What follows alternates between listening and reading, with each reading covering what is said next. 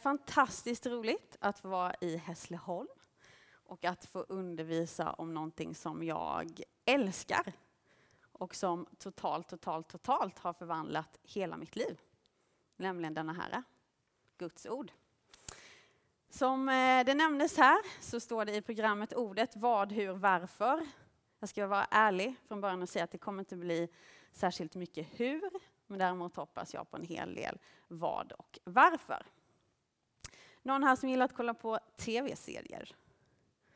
I'm one of you guys. Eh, lite kul med mig för att jag har dels är lite beroendehjärna och så är jag också en sån person som om jag väl börjar med någonting så kan jag liksom inte sluta förrän det är klart. Så att om jag hittar en serie där det ligger ute väldigt många säsonger på en gång, då, då förstår ni, det kan lätt spåra ur. Eh, The Crown på Netflix, någon som har kikat? Några? Då ska jag berätta för er andra om The Crown på Netflix. Det är en serie där vi får följa The Crown, alltså kronan. Det brittiska kungahuset med fokus på drottningen och också viktiga historiska händelser i världen. Och eh, i säsong ett då va, så får man kolla på kröningen.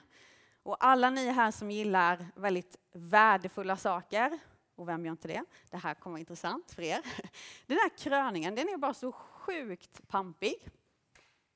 Det är pampig lokal, det är pampiga kläder, det är pampiga liksom, eh, ceremonier, ritualer och jätte, jättepampig musik.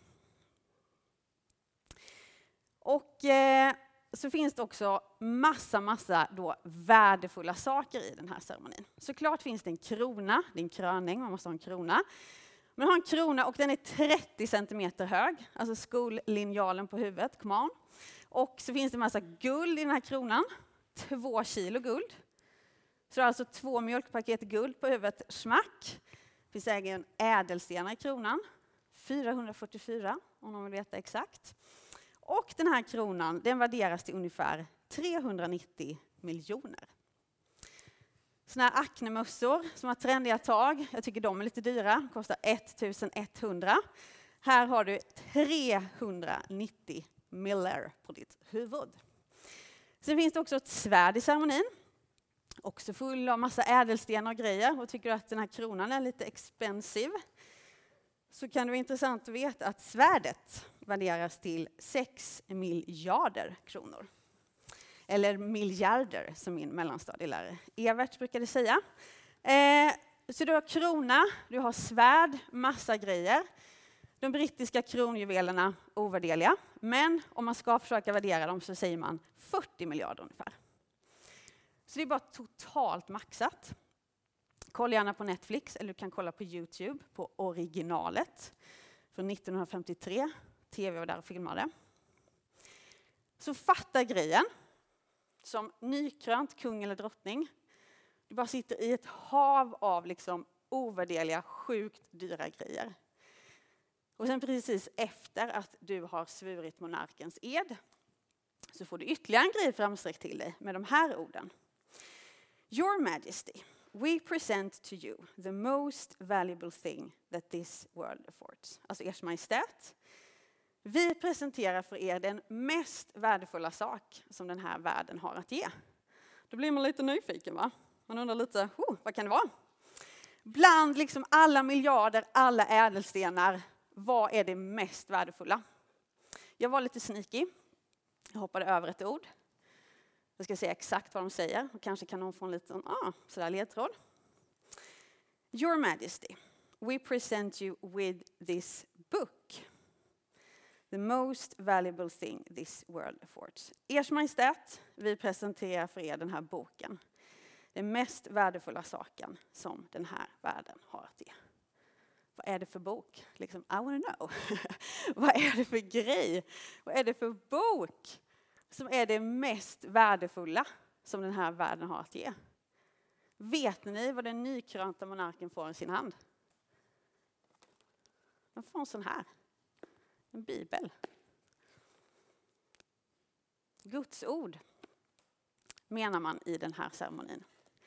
Det är det mest värdefulla som den här världen har att ge. kan man kanske undra lite så här, hur tänker de då? Eller varför säger de så? Och jag tror det är ganska enkelt. De här orden kommer in i kröningsceremonin på 1500-talet under reformationen. Och jag tror helt enkelt att de människorna som la in det här, de hade fått se någonting av kraften i Guds ord. De hade fått se någonting av vad Guds ord faktiskt förmår att göra. Rakt in i mitt liv och rakt in i ditt liv.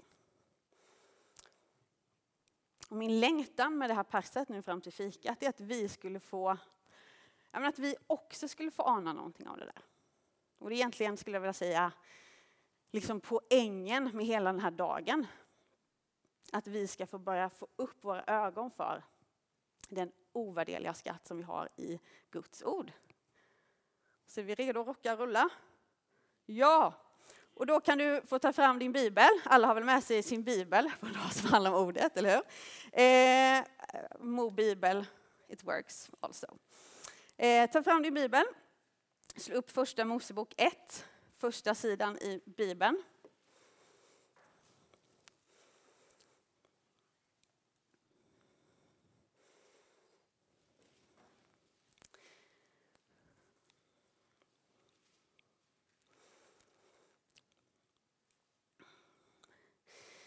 I begynnelsen skapade Gud himmel och jord. Jorden var öde och tom och mörker var över djupet. Och Guds ande svävade över vattnet. Gud sa, var det ljus? Och det blev ljus. Gud såg att ljuset var gott. Är vi med? Mm, ser vi oss framför liksom? Allt som finns är ingenting. Det är öde, det är tomt, det är mörkt, det är formlöst. Nada keine rien, vad säger man på spanska? Ingenting? Nada. Nada, det är nada. Alltså det finns ingenting, det finns inget liv, det finns inget ljus, bara ett kompakt mörker. Och man kan ju beskriva det som allting är sjukt onajs. Det är dött, det är mörkt, det är tomt, det är kallt. Och så in i det här onajsiga så hör vi plötsligt Guds röst bryta fram. Och Guds ord proklamerar var det ljus, ljus blir till. Och kaboom! In i det här mörkret så kommer Guds underbara, ljuvliga, livgivande ljus. Om du fortsätter läsa första Mosebok 1 så kommer du se att där Guds ord går fram, där kommer det liv, där kommer det skönhet, där kommer det godhet, alltså hela kosmos blir till när Gud talar. Så vi har ödslighet, vi har tomhet, vi har mörker. Gud talar, Guds ord kommer och vad har vi? Ja men vi har ju plommonträd va? Och vi har stränder, vi har alptoppar, vi har kaffebönor, stränder, små mysiga liksom, småländska insjöar, kattungar, hundvalpar. Vi har ingenting, det är mörkt, tomt, kallt, dött. Gud talar och hela kosmos blir till. Guds ord kommer och vi får ljus och vi får liv istället för tomhet och mörker. Och nu ska ni få höra något väldigt, väldigt sjukt nice. Att det är exakt det här som händer när Gud skapar nytt liv i oss. Det är exakt det här som händer när vi blir kristna. Bläddra fram till Andra Korinthierbrevet kapitel 4. Två kor 4. Därför att här plockar nämligen Paulus upp den här tanken om att innan vi har Jesus, innan vi har ordet, ja men då var vi alla döda. Alltså vi var döda i syndens tomhet. Vi var döda i syndens mörker. Men, två kor 4-6. Gud som sa, ljus ska lysa ur mörkret Han har lyst upp våra hjärtan för att kunskapen om Guds härlighet som strålar från Kristi ansikte ska sprida sitt ljus. Gud som sa, ljus ska lysa i mörkret, alltså var det ljus. Han har lyst upp våra hjärtan för att kunskapen om Guds härlighet som strålar från Kristi ansikte ska sprida sitt ljus. Alltså Paulus resonemang går ut på att som kristna så är vi Guds nya skapelser. Vi har fått ljus, vi har fått liv. Vi har fått evigt liv rakt in i våra liv genom Guds ord. Gud skapar nytt liv i oss, han ger oss nytt liv genom sitt ord. Precis som Gud gör i första Mosebok 1 när hela kosmos kommer till. Jag vet inte vad du tänker och känner just nu. Jag tycker att det här är, alltså det är så sjukt spännande. Så sjukt spännande perspektiv på Bibeln. Jag vet inte hur det är med dig. Men om jag ska vara ärlig, och det ska man ju, som kristen också speciellt, eh, så kan jag ibland titta på den här och tänka, ja fast jag har ju liksom redan liv. Thank you very much. Liksom. Eh, vad ska jag med den? Jag har redan liv. Eh, och så här, ja, jag vet inte om den här liksom dystra, lite dammiga, gammeldagsa saken, om den kommer ge mig något, ja men då kommer det liksom inte vara liv. Då kommer det inte vara ljus. Utan då kommer det vara liksom ett dammlager av hela mitt liv, så Antikrundan 2.0. Eh, att den kommer ta livet ifrån mig, alltså den kommer hämma mig, den kommer begränsa mig. Och jag tror att eh, faktiskt kanske ni också ibland kan hamna i att tänka så. Att vi tänker att Guds ord är något som vill hämma oss och att det är någonting som vill begränsa oss. Och att det är något litet gammalt och dött. Och så är det ju liksom precis tvärtom. Exakt och precis tvärtom. Vi har ingenting utan Guds ord. Ingenting. Nada kainere, nothing. Och liksom, come on! Guds ord är inget gammalt, dystert, mörkt som hämmar oss. Första Mosebok 1, eller hur? Det är ju inte så att så här, ah, allting var superfestligt, allting var supernice, allting var sweet, sweet, sweet. Och så kom Guds ord och så bara, oh no. Allting blev dött, allting blev tråkigt, allting blev tomt, allting blev mörkt. Det är inte så att det är bara värsta festen, värsta livet och så kommer Guds ord och så bara förstörs allting och allt göttigt försvinner. Det är ju exakt tvärtom, eller hur? Exakt tvärtom. Där Guds ord kommer in, där blir det liv, där blir det skönhet, där blir det ljus, där blir det godhet. Istället för tomhet, mörker och död. Och det är någonting som jag så otroligt gärna vill få sagt idag. Att den här boken tar inte livet ifrån dig. Första Mosebok 1, den ger dig liv.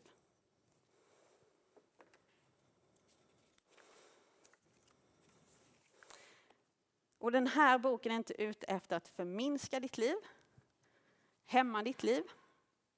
Första Mosebok 1 den här boken kommer med bara överflödande liv och godhet rakt in i ditt och mitt liv. Ett annat sätt som Bibeln hjälper oss att se att Guds ord är något gott, att det är liv, är att Bibeln liknar Guds ord vid mat. Liksom mat. Jag gillar mat. Någon som gillar mat? Det är ju gott med mat, det är underbart med mat. Och mat ger liv. Eller vi kan titta på Israels folk när de precis hade kommit ut ur Egypten, tagit sig ut genom Röda havet. Vad händer? Jo, Gud mättar dem med så bröd från himlen. kan man tänka lite, what? Låter lite, lite sådär, okej, okay, det kommer bröd från himlen. Varför gör Gud så? Femte Mosebok 8.3. Där berättar Mose att Herren vill ödmjuka israeliterna. Femte Mosebok 8.3. Han ödmjukade dig och lät dig hungra. Och han lät dig äta manna, något som varken du eller dina fäder kände till. Varför? Han ville lära dig att människan lever inte bara av bröd, utan av varje ord som utgår från Herrens mun. Och Guds ord, det är ord som utgår från Guds egen mun. Det är väldigt mycket som den här mannan. Någon som minns hur manna smakar? Eller jag menar minns minns. Eh, det var kanske inte som att ni var där. Eh, men någon som kommer ihåg hur det beskrivs i Bibeln att manna smakar? Honung, exakt. Det smakar som honung. Och om och om igen i Bibeln får vi reda på att Guds ord smakar som honung, det smakar sött, det smakar gott. Och kung David säger så här i psalm 19. Han säger att Guds ord är mer värt än guld, än mängder av fint guld. Och att det är sötare än honung, än renaste honung. Man kan ju fundera då lite på, är det så vi ser på Guds ord? Ser vi på Guds ord som att det är det sötaste av allt det söta som finns på jorden, att det är sötare än det, sötare än honung. Tänker vi om Guds ord att ja, men, det är sötare än fest, det är sötare än popularitet, det är sötare än framgång, det är sötare än förälskelse. Det är bara sötare än alla liksom fantastiska upplevelser vi kan ha. Är det så vi tänker om Guds ord? Att va? Guds ord, sötare än allt det där, sötare än honung. Ser vi på Guds ord som att det är något som är mer värt än mängder av fint guld? Alltså att det är mer värt än allt det vi sitter högst. Att det är mer värt än en bra utbildning, mer värt än ett bra jobb, mer värt än en bra bostad, mer värt än en fin bil, mer värt än tre semesterresor om året och en härlig pension. Ser vi så på Guds ord?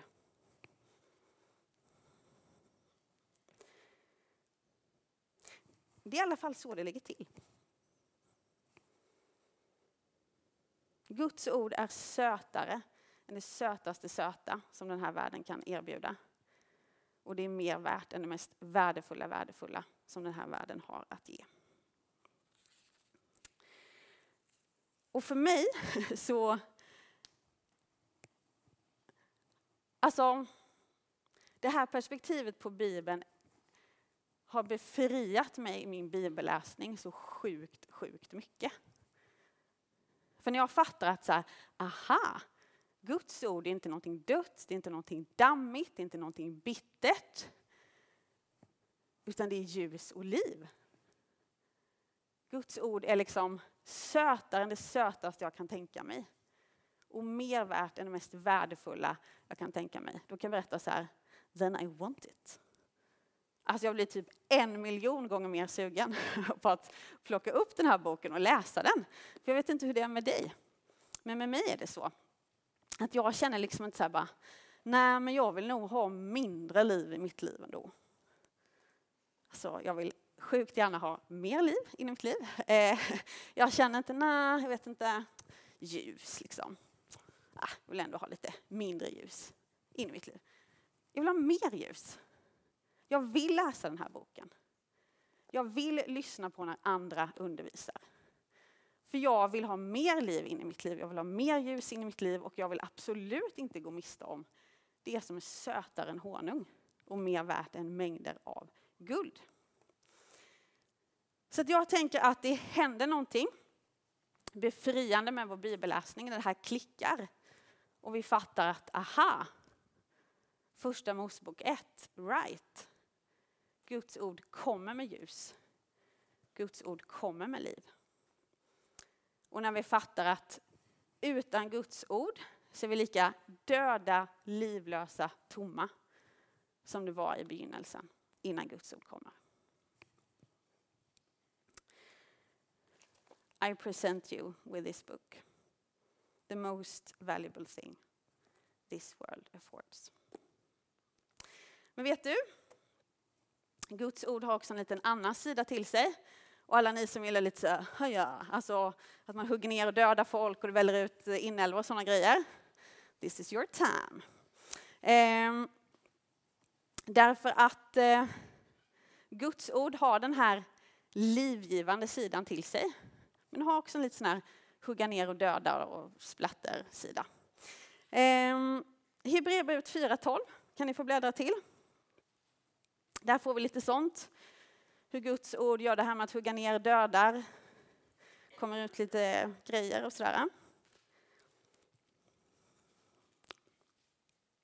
Hebreerbrevet 4.12.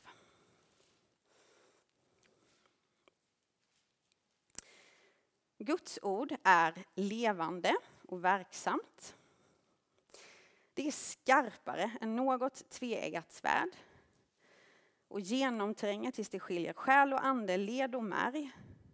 Och det dömer över hjärtats uppsåt och tankar. Inget skapat är dolt för honom, utan allt ligger naket och blottat för hans ögon. Och inför honom måste vi stå till svars. alltså, tveeggat svärdfrasen är lite speciell. Om vi gör så här, en liten övning. Alla tänker på ett svärd. Mm. Från Sagan om ringen eller vad du vill. Vi tänker på ett svärd. Hur skulle du beskriva det här svärdet? Kanske som ett långt svärd, kanske som ett kort svärd, som ett coolt svärd, farligt svärd, blankt svärd. Men skulle du liksom beskriva det som ett tveeggat svärd? Det är ett litet speciellt uttryck. Och jag tror att det är så att Hebreerbrevets författare vill ge oss en liten, en liten hint. För det är nämligen så att Hebreerbrevets författare älskar att ge små hintar och hänvisa till grejer. Och jag tror att det han vill hint, hint, hinta om är Domarboken 3, vers 15 och framåt. Vi ska inte läsa hela nu, men läs gärna på fikat eller senare under dagen. Vad händer i Domarboken kapitel 3? Jo, Israeliterna, a.k.a. Guds folk, de lever under en hemsk förtryckande makt, moabiterna, som har fyllt landet med avgudar. Och I spetsen för moabiterna är kung Eglon. Och han har sysslat med att utnyttja och suga ut Guds folk. Så de hungrar och han blir större och större och större. Och när vi möter honom så har han blivit liksom big guy. Och så står det så här i vers 15. Men Israel ropade till Herren och Herren lät en frälsare uppstå bland dem, Benjamiten Ehud, Geras son, en vänsterhänt man. När Israels barn sände honom med gåvor till kung Eglon av Moab gjorde Ehud sig ett tveeggat svärd. Hmm. En fot långt och spände fast under kläderna vid sin högra höft. Och så kan vi läsa vidare om att Eglon, han går till, eller Ehud går till Eglon, kungen, och så säger han att jag har ett ord från Gud till dig. Eller i grundtexten står det till och med, jag har ett Guds ord till dig. Och kungen bara, ah, intressant. Mm. Och vad händer? Ehud tar fram det här svärdet och bara smack, rakt in i magen på kungen. In i allt det här fettet. Och så står det en grej i grundtexten, som också står i många engelska översättningar. Att när det här tvegade svärdet kommer in i kungens mage så kommer det ut någonting. Nämligen dynga. Alltså skit. Jo. Snabbspolning. Kungen dör. Guds folk besegrar fienden och de får ro. Och de här avgudarna Alltså, det är inget som man skojar bort. En av de eh, mest viktiga, han hette Molok och du tjänade Molok genom att bränna dina egna barn på bål till hans ära. Alltså vidriga, vidriga avgudar. Så kanske är det det här liksom som författaren till Hebreerbrevet vill att vi ska se framför oss när han skriver om det här tveeggade svärdet. Det tveeggade svärdet, det här ordet från Gud, det kommer med dom, smack, rakt där det hör hemma. Och Eglon, men han sitter där på sin tron, bara, whoop, och tänker att så här, I'm pretty awesome, så här, jag är kung. Eh, han tänker att han är ganska så bra. Men så kommer det tveeggade svärdet. Ordet från Gud träffar honom. Och så blir det tydligt att eh, i själva verket så är han full av dynga. Han är full av skit. Och exakt det här gör Guds ord också i våra liv. Guds ord är levande, det är verksamt, det är skarpare än något tveeggat svärd och genomtränger tills det skiljer själ och ande, led och märg och det dömer över hjärtats uppsåt och tankar. Inget skapat är dolt för honom, allt ligger naket och blottat för hans ögon och inför honom måste vi stå till svars. Grejen med Guds ord är att det har en förmåga att bara tränga sig rakt igenom alla fina fasader som vi har byggt upp och avslöja för oss att vi inte riktigt var så där goda och fina och oskyldiga som vi gärna ville tro att vi var. Alltså, när Guds ord träffar oss så blir det tydligt att det finns en hel del onajs här inne. Dynga. Och det är därför, det är därför som människor inte gillar Guds ord. Det är därför som människor vill hålla sig borta från Guds ord. Därför att vi gillar ju inte att höra att så här, du har grejer i ditt liv som är totalt skevt. Inte lite skevt, inte mycket skevt, utan totalt skevt. Vi gillar inte att höra att i själva verket när vi går runt här så går vi och bär runt på en massa dynga.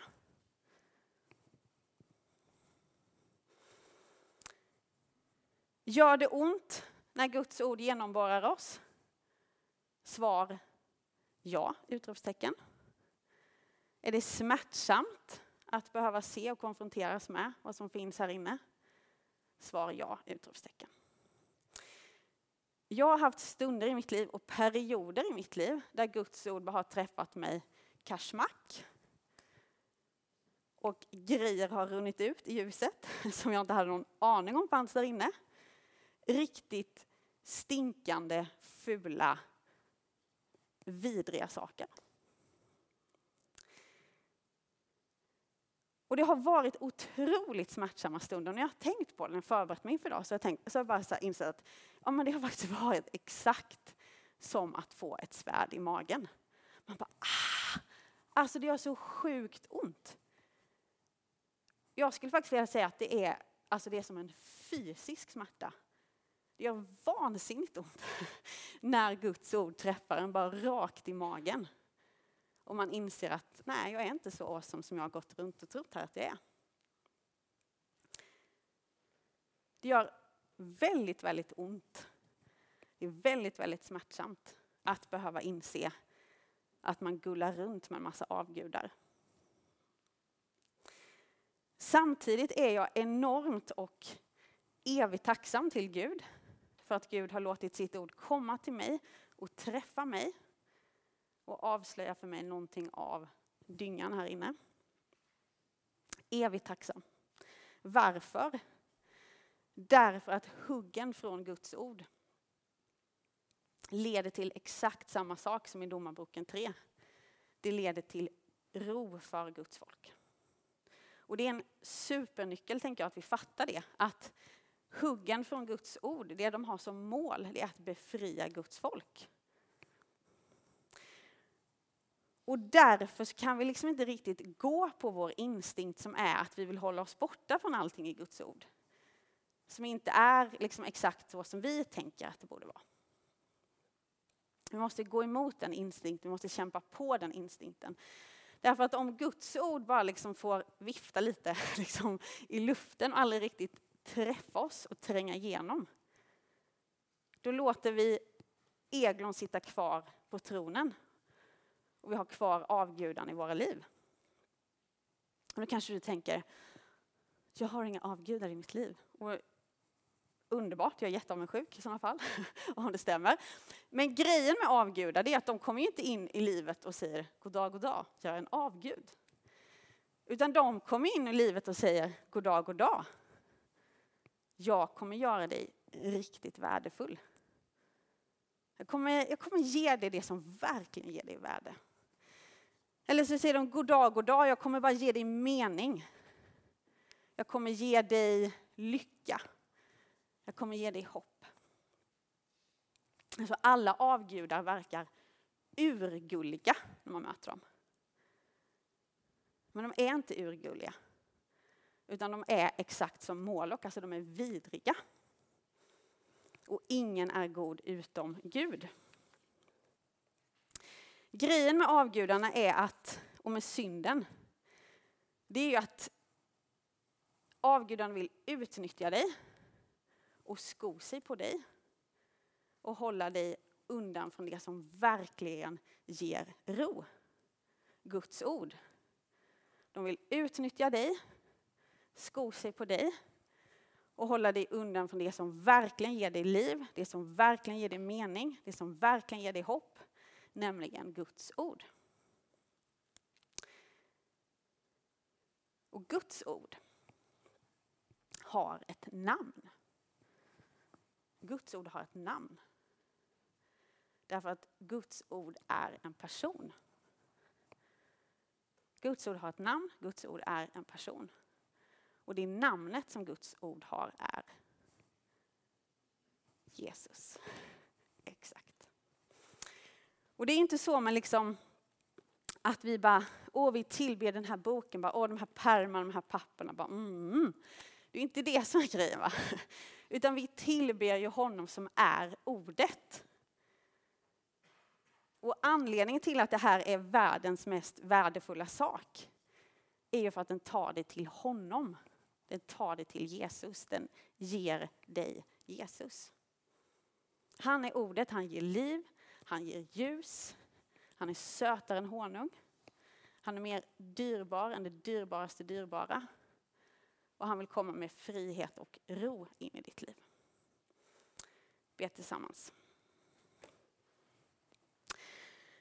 Tack Herre för ditt ord som är liv, som är ljus och som är ett svärd som vill hjälpa oss att se allt i våra liv som vill dra oss bort från dig, du som är livet.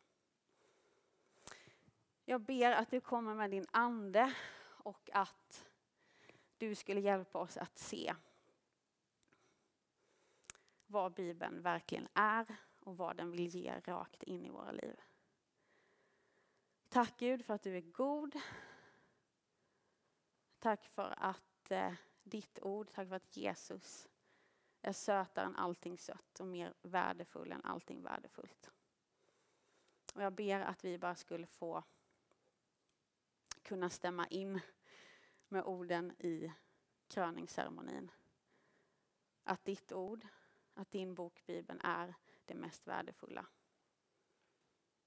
I Jesu namn. Amen.